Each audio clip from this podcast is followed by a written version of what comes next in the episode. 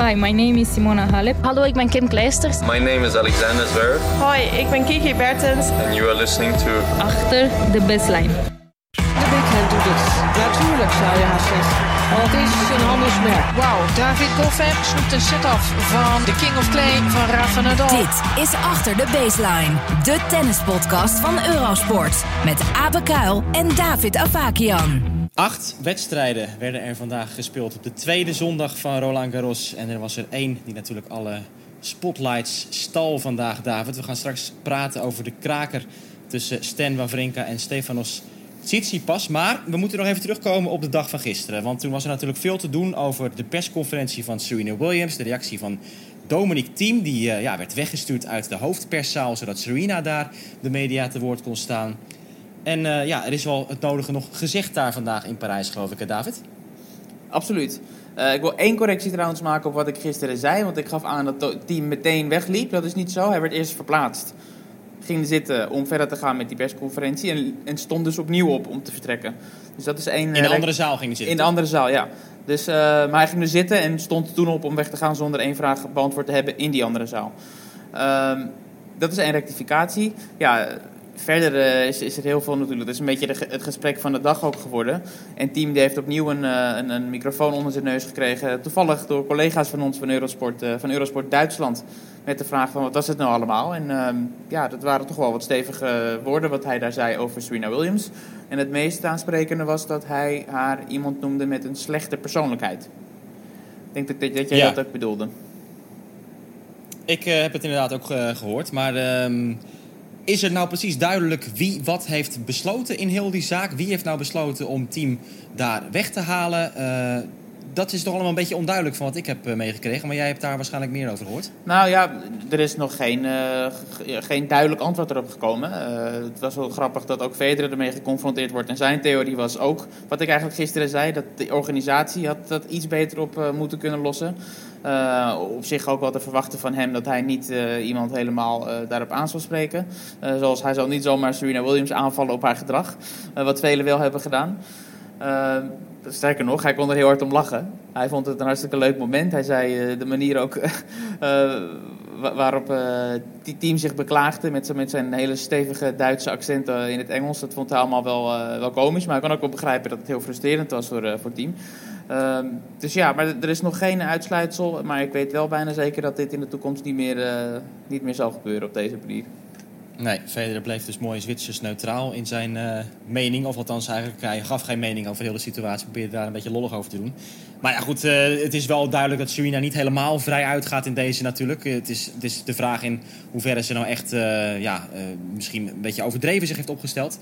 Maar goed. Um, ja, goed, er, ja. Zijn, er zijn nog wat geruchten ook van wat ze gezegd zou hebben ja, ik weet niet of, dat, uh, of, we dat, of we dat moeten, moeten we maar met een korreltje zout nemen. Ze zou ook gezegd hebben, er zijn één of twee getuigen die gehoord hebben van wie is team. dat ik op team moet wachten. Ja, oké. Okay. Dus, maar goed, dat is niet uh, 100%, dus ik zeg het maar gewoon uh, voor het spektakel. Goed, maar nogmaals, uh, hè, er zal vast wel iets van waarheid in zitten. Er is heel veel stress geweest gisteren. Uh, omdat Serena dus heel graag uh, per se de pers te woord wilde staan. Dat is wel een ding dat zeker is. En daar moesten toen toch even heel snel wat noodgrepen voor verricht worden. Zodat Serena in dat opzicht haar zin kon krijgen.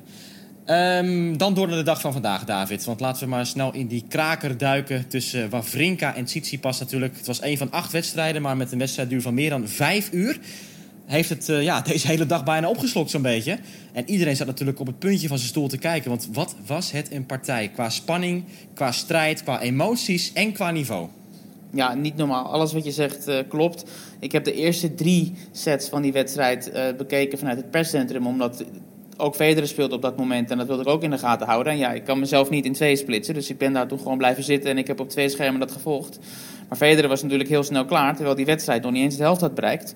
Dus dat was voor mij ook mooi het moment om, uh, om zo snel mogelijk naar Suzanne Langlen te gaan om, uh, om dat einde mee te pakken. En ik heb daar ook nog een hele tijd gezeten, want er was uh, nog minimaal op dat moment 2,5 uur ongeveer te spelen. En ja, 7-6, 5-7, 6-4, 3-6, 8-6 uiteindelijk. In de vijfde set voor, voor Stan Wawrinka. En de sfeer in dat stadion was, was niet normaal. Het publiek was, was wel iets, iets meer voor, voor Stan hoor, overigens. toch het gevoel van de oude held en oud winnaar ook natuurlijk. Ehm, ja, een unieke ervaring. De, de persplaatsen waren ook bomvol, allerlei commotie. eh, journalisten die er niet in mochten, er was geen ruimte. En, en, en iedereen maakte video's, wat ook weer niet mag. En er worden dan mensen van de perstribune geplukt omdat ze video's maken en eh, reprimanden. En het was één grote chaos omdat iedereen erbij wilde zijn. Journalisten mogen geen video's maken. Nee, vanuit de, pers, eh, vanuit de persplaatsen mag je geen video maken. Je mag gewoon foto's schieten. Maar dat heeft natuurlijk alles te maken met allerlei rechten en wie wat wel mag uitzenden en, en dergelijke. Dus ja. Nee, en en een le- lekker temperatuurtje, lekker zonnetje. Hè? Dat, is, dat vond je helemaal heerlijk natuurlijk om daar even lekker in te zitten. Ja, nou, nou, op het moment dat ik daar was, was de schaduw al eh, rijkelijk gearriveerd op, eh, op de perstribune. Eh, het publiek zat grotendeels wel in de zon, maar je hebt gelijk, als het aan mij ligt, eh, geen zon. Hè? Eh, nee, Maar ja, goed, 31, 31 graden, dat is lekker eh, weer voor eh, een zwart polootje en zo erbij. Hè? Dat is absoluut, prima. absoluut. Ja, ja. Het is nooit een verkeerd moment voor zwarte polo. Eh, ja, wat, wat kunnen we nog meer zeggen? Ja, van alles over die wedstrijd. Eh, al- als we echt kijken naar wat er, eh, wat er gebeurde. Het, ja, Tsitsipas had eigenlijk moeten winnen. Hè? Ik, ik, ik zie het als een ontsnapping van uh, Wawrinka. Als je kijkt naar het aantal kansen dat, uh, dat, dat Tsitsipas had. Ik weet niet of jij het genoteerd hebt, maar het was echt... Volgens mij 22, 22 breekkansen gemist. Ja. Van 27 of iets dergelijks zag ik ja, voorbij komen. Ja, ab absurd. En, maar goed, de, de, de, de nou, ik, wil er wel even op doorgaan, want tegelijkertijd is het ook zo dat, dat Wawrinka echt een, uh, ja, een, een, mentale krijger is dit toernooi. We hebben natuurlijk tegen Dimitrov gespeeld, drie tiebreaks. Ook een paar keer teruggekomen van de achterstand. 6-2 stond hij achter in de tiebreak van de derde set. En zoals Wawrinka de big point speelt, ook gewoon de, de uitstraling die hij heeft op de baan. Echt zoiets van, en ik ga me toch echt niet laten pakken vandaag. En dat had hij vandaag ook weer tegen Tsitsipas. Dat hij toch gewoon, als het echt moest, dat hij de overlever was. 100 procent, 100 procent. En het is leuk dat je dat zegt, want in de persconferentie kwam hij daar ook op terug. Want hem werd rechtstreeks uh, de vraag gesteld. Uh, dat zullen we zo allemaal uh, horen. maar je hebt, je hebt gelijk helemaal. Hij was op die belangrijke momenten, die spaarzame breekkansen voor hem of de matchpoints, was hij gewoon degene die het initiatief ook nam. Terwijl dat juist die momenten waren waarop Tsitsipas niet alles gaf wat hij had. Want hij kwam altijd op hele knappe manieren op die breekkansen. Maar toen verstijfde hij of was hij te passief of maakte hij een, een, een domme fout. Dat is wel een beetje het uh, verhaal van deze wedstrijd. Uh, en wat ook natuurlijk een fantastische statistiek is, is dat dit pas de tweede vijfzetter was hè, in, de, in de carrière van Tsitsipas. Terwijl Wawrinka op 40 plus zit qua vijfzetters. Dus ja, dat is een ontzettend contrast uiteraard. Um, ook maar nog... je merkt wel een beetje het sentiment, hè, wat je zegt, de mensen waren meer voor, voor Stan. Uh, iedereen kan Tsitsipas ook zeer waarderen daar op Roland Garros. Maar het is wel een beetje het gevoel van Wawrinka, ja, het, dit is misschien de laatste keer dat hij natuurlijk zo'n toernooi nog speelt. Of ja, hooguit gebeurt het nog een paar keer. En Tsitsipas heeft natuurlijk iedereen ook wel een beetje het gevoel van... hij begint pas, hij gaat nog kansen zat krijgen, hij is zo goed. Ja, nee, helemaal met je eens. Tsitsipas heeft wel één dingetje waar je heel erg mee moet oppassen. En daar hebben we het in een eerdere podcast ook over gehad. Over uh, de manier waarop hij uh, de ballen in- en uitgeeft. Dat heb jij ook gezien. Uh, jij gaf commentaar bij die wedstrijd. Nee, nee, nee. Niet? Nee, Oké. Okay. nee ik deed alleen het einde. Oké. Okay, nou ja. per. Ja. Uh, nou ja, als, dan kunnen we met het beste maar meteen naar het matchpoint gaan. Want Wawrinka die, uh, die, ja. die, die, die, die, slaat een prachtige backhand slice blokachtige bal langs de lijn. En op het moment trouwens dat hij, hij die bal sloeg, want ik zat precies in het verlengde van die lijn. Uh, ja, ik wist gewoon die bal die gaat die lijn pakken, of hij gaat in ieder geval in. En Tsitsipas die, uh, die, die ziet die bal stuiteren en die gaat er gewoon doodleuk heen, zet een cirkeltje eromheen van die bal is uit. Ja, en hij loopt weg. En hij loopt weg. Maar ja, goed, iedereen, het hele stadion, wist, wist dat die bal gewoon die lijn had geraakt. dus, dus die scheidsrechter kwam ook naar beneden en, uh, en, ja, die bal was gewoon in en ja, hij legde zich erbij neer. Maar het is toch een patroon wat we zien hè, bij hem, dat hij altijd heel gedecideerd lijnen verkeerd calt. En dat wat is, mij ook. Ja? Ja, maar goed, dat, dat is niet iets uh, waar je A bij, de, bij je collega's populair mee wordt. En het Franse publiek dat natuurlijk elke gelegenheid aan zal grijpen, om iemand uh, uit te fluiten, niet laat liggen. Wat mij ook opviel is dat uh, Tsitsipas heel erg aan het mopperen was op zijn box. En zeker ook in, het, uh, in de eerste paar sets. Dat hij vond dat ze meer steun moesten geven. Hè? Van, hij zei ook letterlijk van, dat ze zombies waren in zijn spelersbox. En allerlei ja. dingen van... Geef me nou eens wat, uh, wat support en laat eens wat energie zien, uh, dat, soort, dat soort zaken. Ja, nee, absoluut wat je zegt. Ik, die box die zat dus, ik heb dat eerder uitgelegd toen met die wedstrijd van Kiki. Dat is best wel dicht bij de persplaatsen op Langlen. Dus dat, hij liep elke keer inderdaad naar, naar de kant waar wij ook ongeveer zaten. Dus wij konden dat allemaal best goed in de gaten houden. En ook de, alle gezichtsuitdrukkingen en alles, al het gescheld in het Grieks. We hebben dat alles wat jij eh, zegt, hebben we van dichtbij eh, gezien. En het, het rood aangelopen, aangelopen hoofd door eh, die hit uiteraard. En eh ja, Tsitsipas die eigenlijk een groot deel van die wedstrijd gewoon met allemaal greffel op zijn rug geplakt. En het was een Ja. grote bende, want hij maakt natuurlijk altijd die, die duiken op het Ja. greffel. Dus ja, dat zag er heel, heel grappig uit, want zijn hele rug, zijn blauwe shirt was gewoon oranje. Eh, dus ja, dat, het Hij vond het ook niet nodig om even een ander shirt aan te trekken. Nee, nee het één keer deed hij een ander shirt aan, maar toen ging hij weer duiken. En toen waren we weer terug bij af. Dus ja, dat, het, paste allemaal in het plaatje van deze waanzinnige kraker, eh, klassieker. Nog even over, over het niveau van Wawrinka. Want eh, volgens mij is dit gewoon natuurlijk waar Wawrinka ook lang op heeft gewacht weer na die knieoperatie.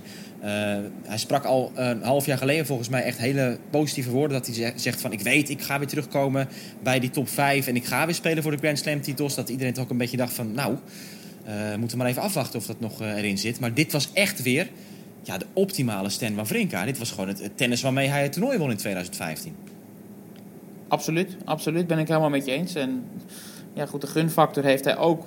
Maar ja, het probleem nu is hoe goed hij ook speelde. En hij heeft deze wedstrijd eruit gesleept. Hij is natuurlijk al op leeftijd. En om nu te zeggen dat hij iets zou kunnen herhalen wat hij gedaan heeft. Ik heb er niet zoveel geloof in dat hij na zo'n wedstrijd genoeg zal herstellen. Om, eh, nou laten we het eerst maar eh, de eerstvolgende wedstrijd. Eh, als, ja, als, als beloning krijgt hij natuurlijk Roger Federer op zijn dak. Die, eh, die in de tijd dat hij zijn wedstrijd won, eh Wawrinka drie wedstrijden had kunnen spelen.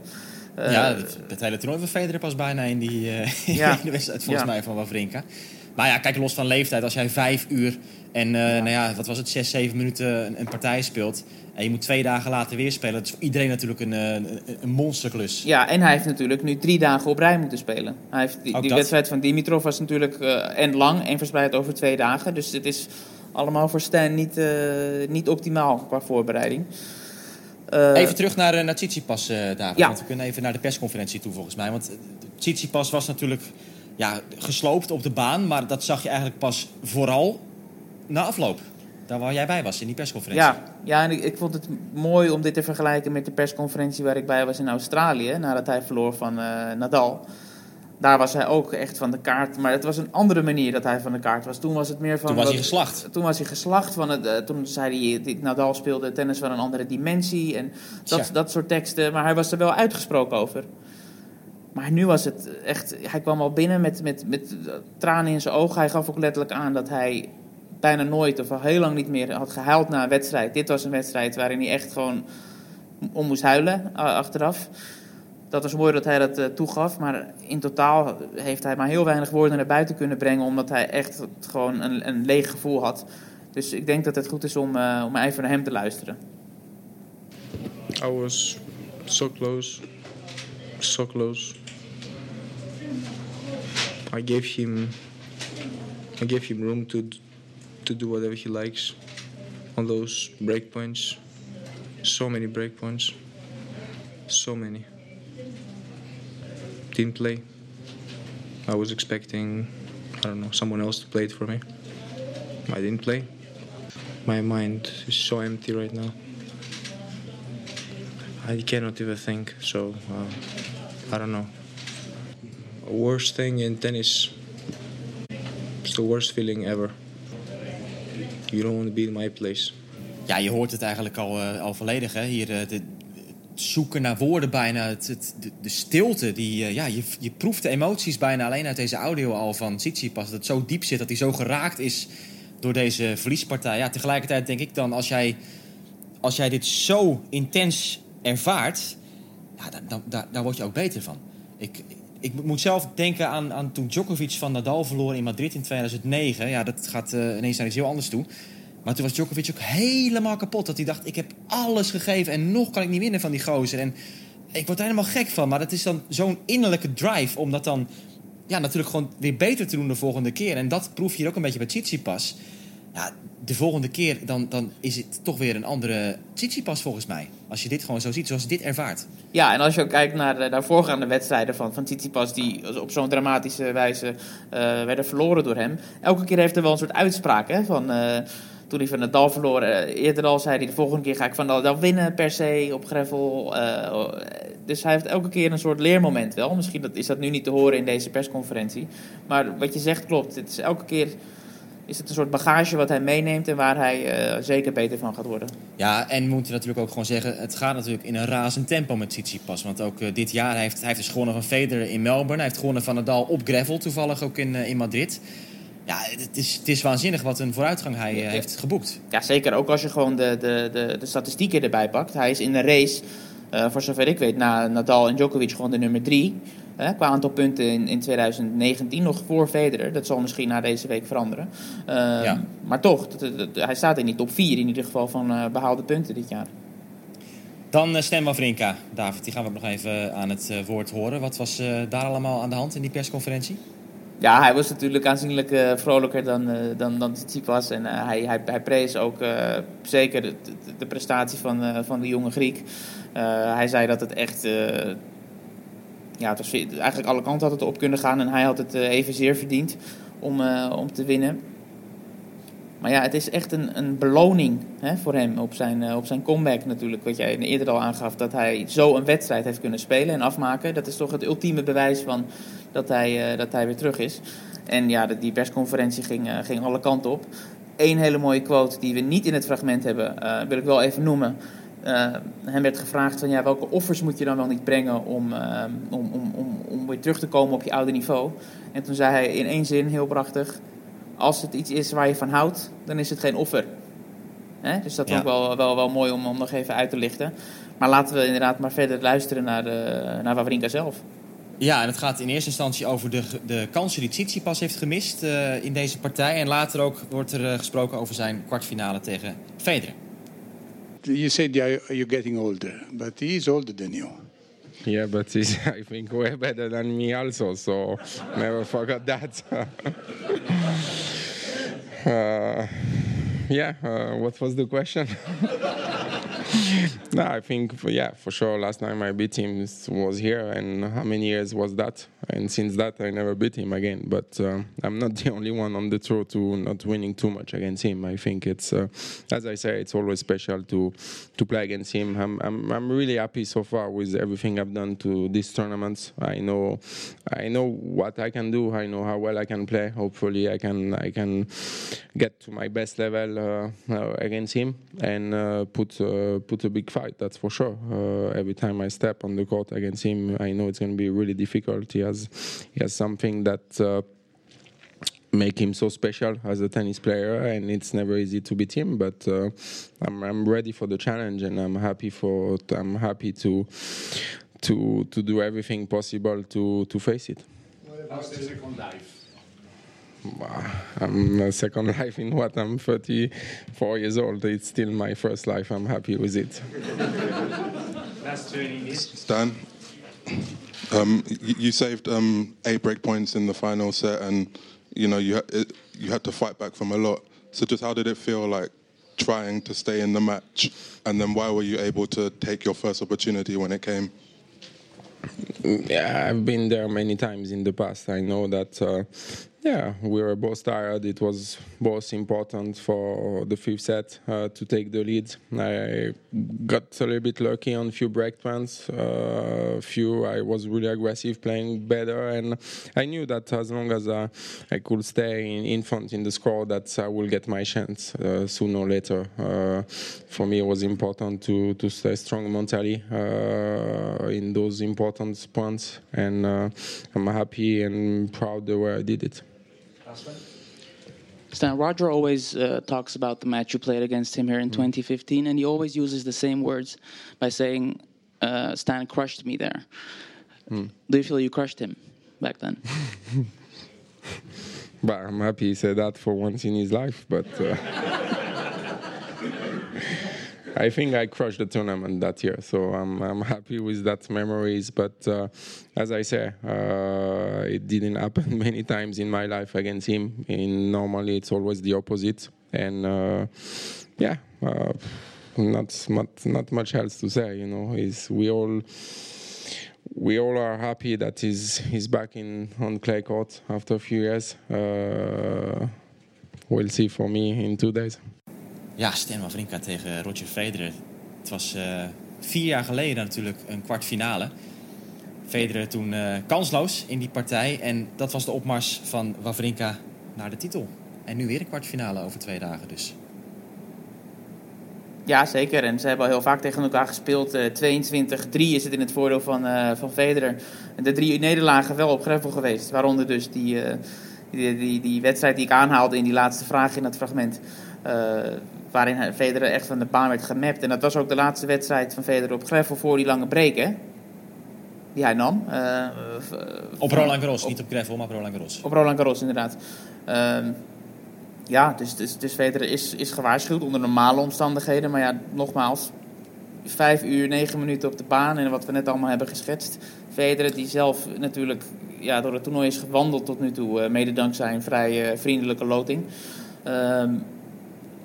Exact dezelfde uitslag vandaag als eh, Nadal. Dat Ja. is wel een grappige Ja. overeenkomst. ja, sowieso Nadal, Eh, Nadal, Federer en Djokovic. Die hebben alle drie echt een... eh, een dat van- toernooi moet nog beginnen voor, voor hen Ja, allemaal. Dat ja. is eh, ja, echt cruise control eh, to the max elke keer geweest. Uh, Federer vandaag tegen Leonardo Maier, Nadal tegen Londero. Die maakte zijn Grand Slam debuut hier, haalde gelijk de vierde ronde. Dat is toch wel eh, waanzinnig.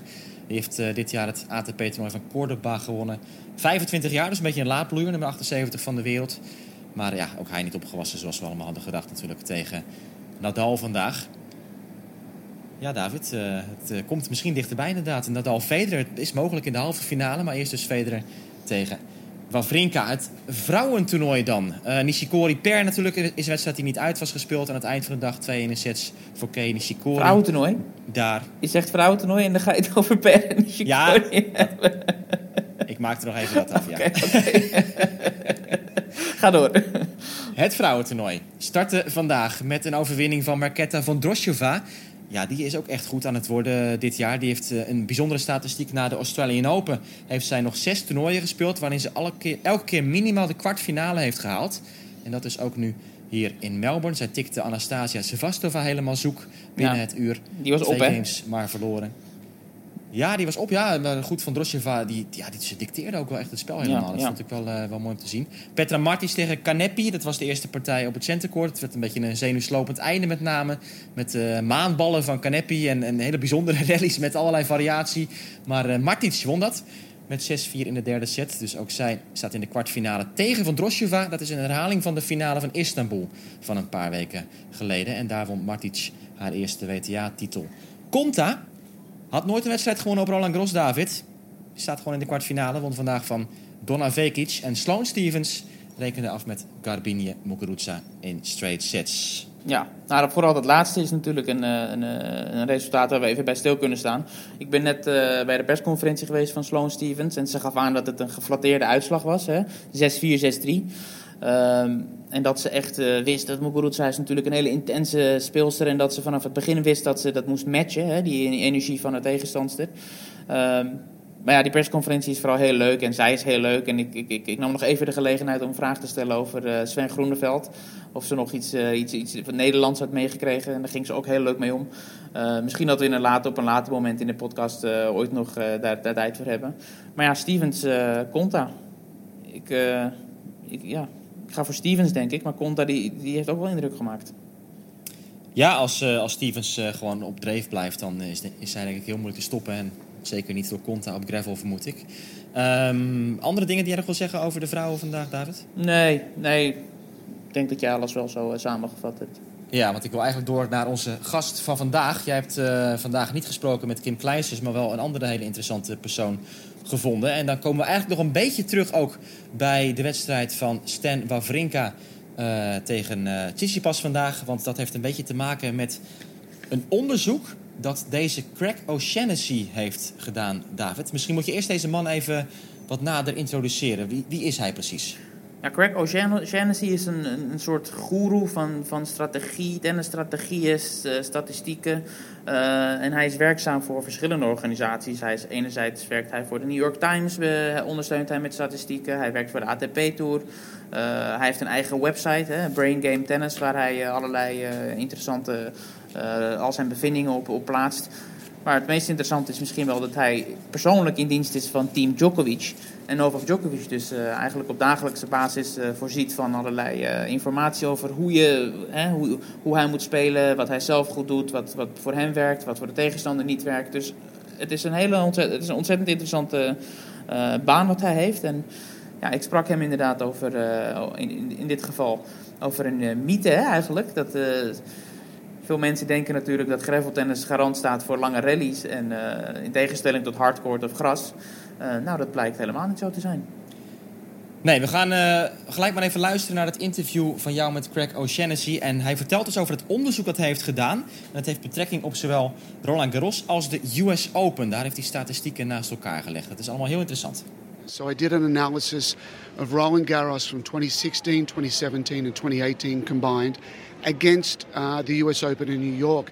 And what we found, there's three different rally lengths in tennis. So you have zero to four shots, zero representing a double fault. So those are all the first strike points. Then you have five through eight, which are kind of a mid-length rally. Patterns of play exist there, and then you have longer rallies, which are nine plus. So we've never even thought to look down this road because we've always assumed that clay court tennis is all about longer rallies and hard court tennis is more about shorter rallies. But when I did the analysis of these three tournaments combined, we found there were more rallies in zero through four here at Roland Garros compared to the US Open, which is just crazy for us. You know, we've got these preconceived notions, this history of traditional clay court tennis, and things are ev- evolving and changing, and it's exactly the same in the women's draw. The long rallies of 9 plus, there were more in New York. So New York is slowing down. They're putting more sand in the paint, which is a big reason why that's happening. The courts here are faster. There's not as much soil or, or, sand on the top. You know, it's very difficult to walk out here to Philip Chatrier and scoop up a lot of sand that exists. It's a very hard court that, that bounces a lot. So when you're coaching clay court tennis, for all of the coaches in Europe and South America especially, as you're trying to develop your players, you want to get their games organized to to do well on clay courts and it's not about hitting a million balls. It's not about being more superior in a 20 shot rally. It's about being more superior with the serve, the return, the serve plus one, and the return plus one. So, this kind of data shatters myths in our sport, and um, that's what I enjoy doing. I enjoy. I enjoy looking at, at different parts of our sport to understand the reality, not the opinions. Ja, langere punten, David, op de US Open dan op Roland Garros. Roland Garros is, is sneller dan de, dan de US Open. Hij zegt dat dus ook echt met, uh, met, met het Philippe Chatrier dus een, een hele harde baan is. Waar echt de bal echt heel veel stuit. Je kan ook niet echt hoopjes gravel daar afhalen of zo, uh, gaf hij aan. En ook mooi zijn uitspraak natuurlijk aan het eind van... Uh, hij kijkt naar data om de realiteit te bekijken en niet naar de meningen. Ja, en een mooi voorbeeld van, van, uh, van dit onderzoek was natuurlijk wat er ook vandaag met Wawrinka en Tsitsipas gebeurde. Ja, ik heb het uh, hier voor me staan, want die drie categorieën dus, de 0 tot 4 slagen, de 5 tot 8 en de 9 plus rallies, dat is een beetje de verdeling die hij dan ook uh, maakt bij zijn onderzoek. Nou, wat hebben we vandaag gezien? Tsitsipas wint de rallies van 9 plus, 21 om 15. Hij wint de rallies van 5 tot 8 slagen, 54 tegen 44. Dus dan heb je al een, een plus 16 daarin voor Tsitsipas. Maar ja, dan de sleutelstatistiek. Ook vandaag veel punten, 0 tot 4 slagen. Ja, dat, echt, echt, dat springt eruit. Wawrinka wint die categorie met plus 15, 135 tegenover 120 punten. En dat is dus dan toch de sleutel geweest voor vandaag uh, voor Wawrinka om de partij te winnen. Dus 0 tot 4 slagen, ook op gravel. Dat is uh, met afstand wat je ziet in wedstrijden. Ja, nee, ja goed, als dat de statistiek is, dan uh, ik ga er verder niks meer over zeggen buiten dan dat, ik, uh, dat het mij ook verraste de eerste keer dat ik het onderzoek uh, las. Ja, en even die cijfers dan van, van het onderzoek van Roland Garros en de US Open. Dus de laatste drie jaar eindigden 68,6% van de punten op Roland Garros binnen vier slagen. Bij de US Open was het 68,0%. Dus 0,6% meer rallies. Ja, het is geen mega verschil. Maar in elk geval dus uh, toch meer kortere punten op Roland Garros dan bij de US Open. En dat is uh, toch een interessante les voor vandaag. En daar kunnen we mee, uh, mee voort. Want we hebben Craig O'Shaughnessy trouwens nog meer in de podcast later deze week. Je hebt hem over wat andere topics ook nog gesproken. Onder meer samenwerking over Novak Djokovic. Maar dat bewaren we allemaal voor later. Wij ehm, gaan kijken naar de dag van morgen, David. En dan staat er iets heel leuks op het programma. Want Jean-Julien Royer, die heb jij ook gesproken. Die heeft een uh, mooie zege geboekt met zijn vaste partner Horia te kou op de broers Brian. En morgen om 11 uur dan gaat zij spelen in de kwartfinale op Roland Garros. Het is live te zien op de Eurosport Player. Dan treffen ze Guido Pella en Diego Schwartzman. En jij sprak, uh, Royer, zoals gezegd. En uh, nou, het gaat over de samenwerking met uh. Maar ook over zijn ja, carrière. Het feit dat hij laat is doorgebroken. Dat hij dus niet in het enkelspel echt heeft gespeeld. Maar gelijk een topdubbelaar werd op de Tour. Laten we maar gaan luisteren. Als we even een stap terug doen en duiken in jouw verleden hier op Roland Garros. In 2009 debuteerde jij hier op 27-jarige leeftijd. Dus we kunnen je een laadbloeier noemen.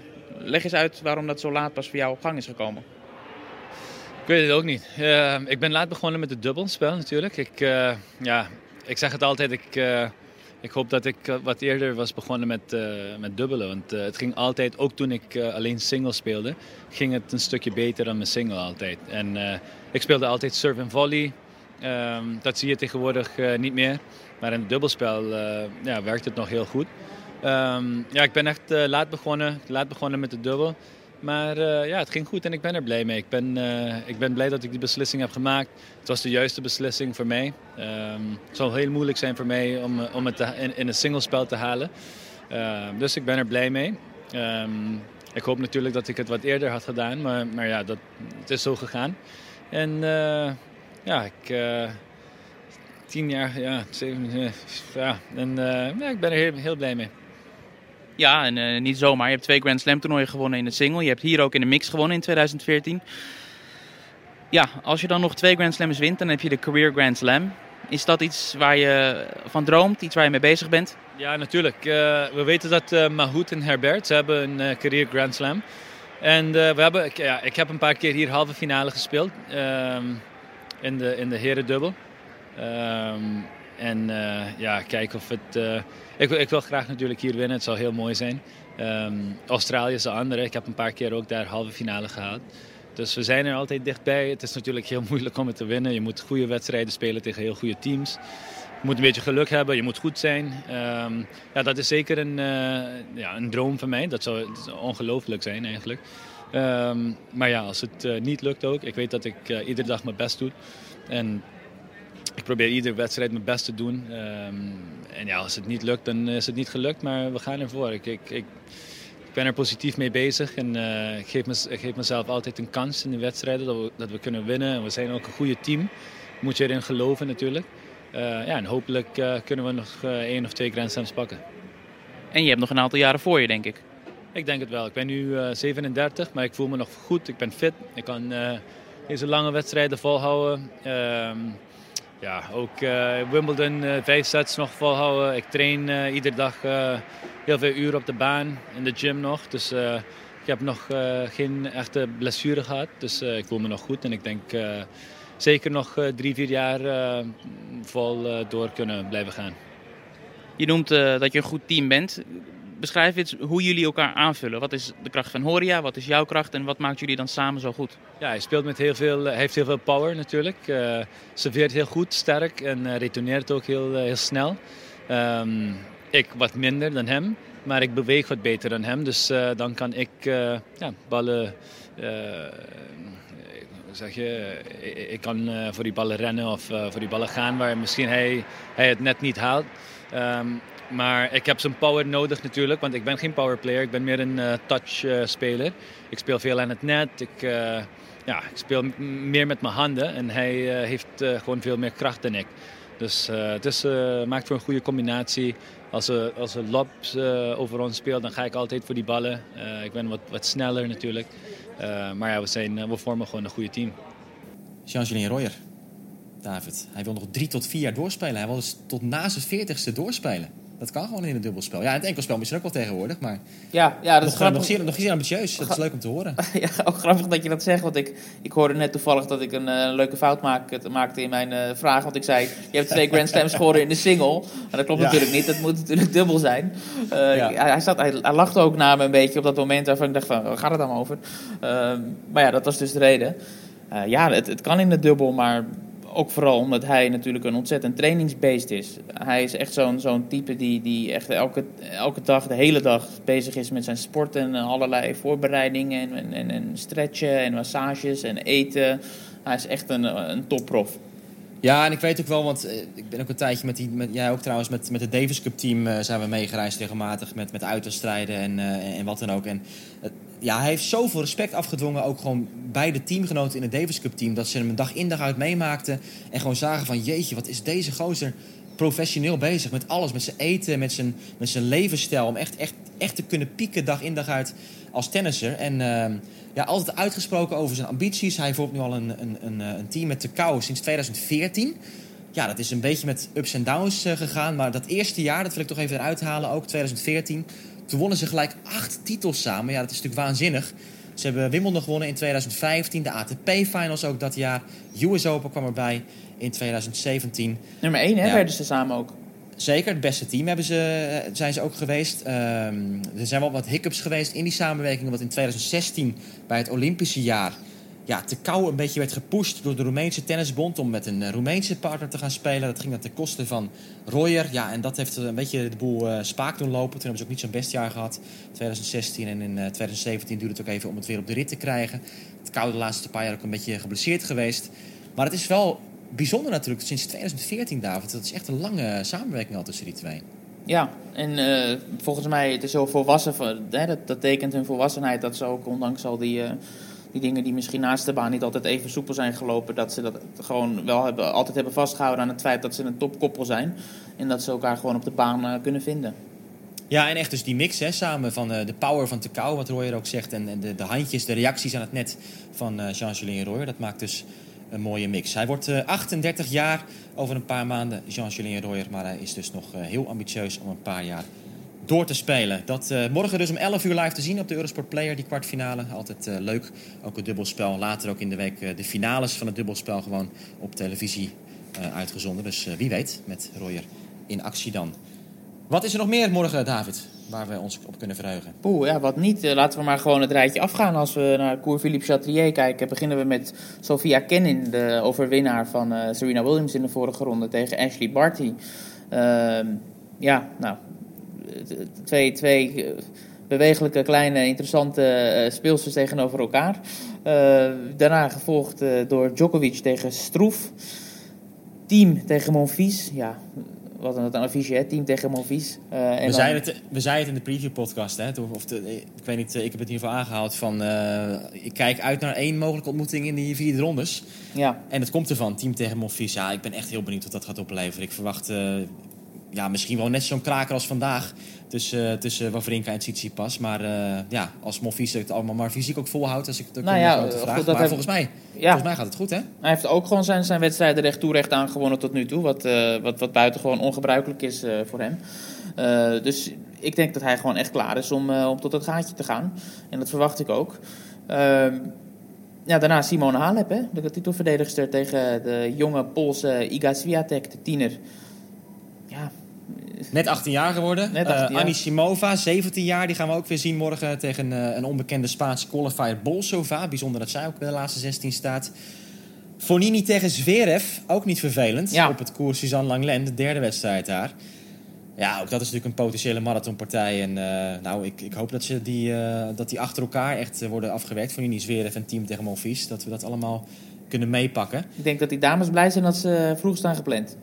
Ja, Siniakova en Kies starten daar op het koers. Suzanne Langlen. We hebben het einde van Nishikori tegen Per en Gatjanov tegen Del Potro ook nog. Dus ja, het is weer een, een, een heerlijke tennisdag om ons op te gaan verheugen morgen, David. Het is eh, nu laat, het is kwart voor twaalf in de avond. Al die persconferenties en zo heb jij nog mee moeten maken. Dus eh, zo gaat het dan natuurlijk. Hè? De, de laatste bal wordt geslagen rond een uur of half tien. Maar dan is het vaak voor de journalisten ter plekke nog, eh, nog hard, hard wikkelen. Ja, nee zeker. Ja, je moet altijd wachten hè, totdat die spelers eh, gedoucht zijn, totdat ze de massages en dergelijke hebben gehad. Eh, dat gaat allemaal voor ons bedtijd. En toch hebben we weer de tijd genomen om een eh, uitgebreide podcast op te nemen. Elke dag duurt het ook weer langer dan we van tevoren inschatten. Maar er is ook zoveel te zeggen en nog steeds bij, in bepaalde onderwerpen nog steeds vrij beperkt. Maar het is nu wel tijd eh, om af te ronden. Het was weer mooi. Morgen zijn we er natuurlijk weer met een volgende achter de baseline. Het is weer eh, heel fijn eh, dat u heeft geluisterd naar deze opname. En wij zeggen graag tot snel weer.